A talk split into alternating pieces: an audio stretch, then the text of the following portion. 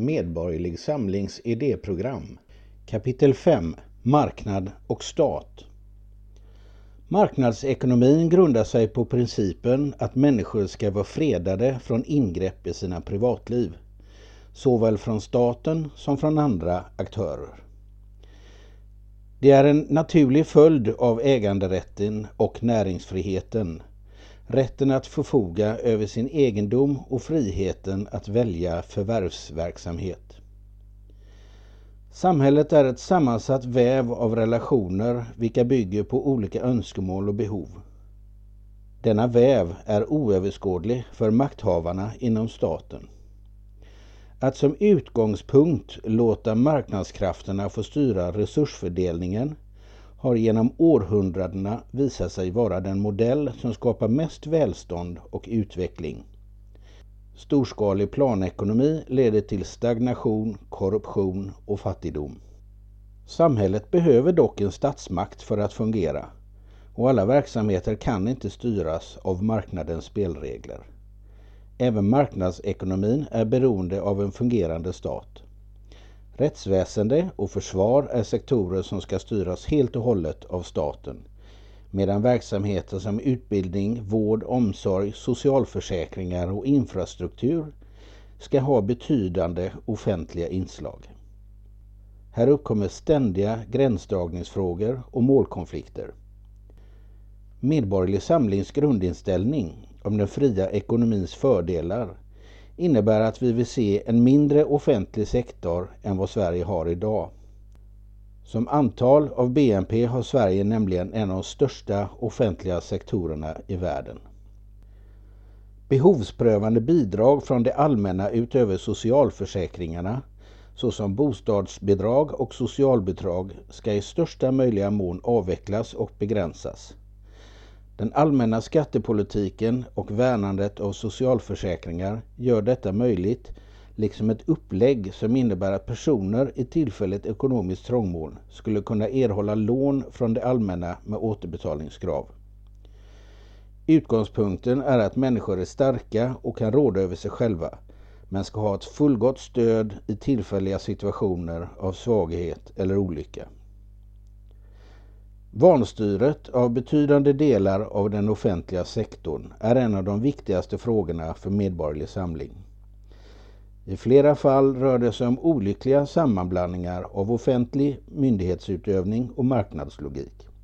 Att exempelvis entreprenörsutsätta en verksamhet när efterfrågan är enorm innebär att oseriösa aktörer kan göra stora vinster och att utgifterna för det allmänna ökar okontrollerat. Den offentliga sektorn måste koncentrera sig på kärnverksamheten. Svällande byråkrati och bidragsgivning till civilsamhället och näringslivet måste motverkas.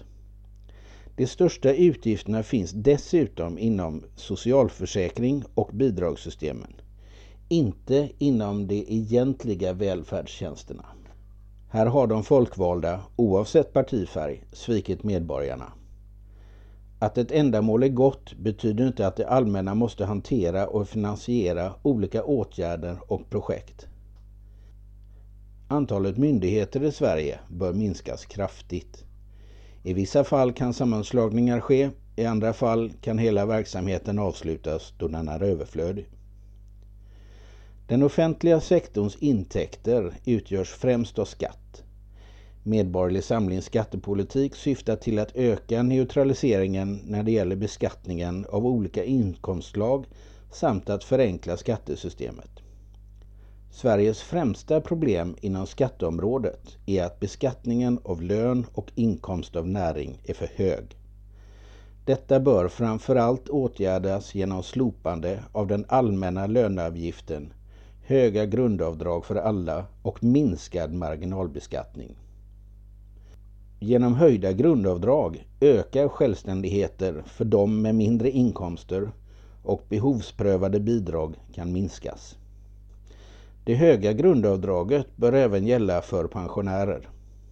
Vilket framförallt hade inneburit en välbehövlig inkomstökning för de med låga pensioner.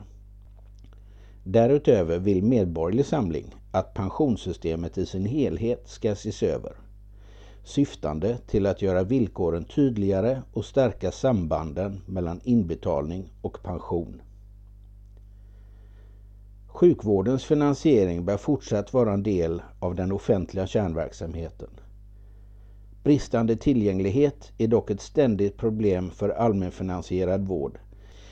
Det bör finnas ett öppet förhållningssätt inför nya organisationsmodeller. Den egna bostaden är för många den största egendomen man äger och som man någonsin kommer att äga. Skuldsättningen kopplad till fastighets och bostadsrättsägande i Sverige är dock problematisk.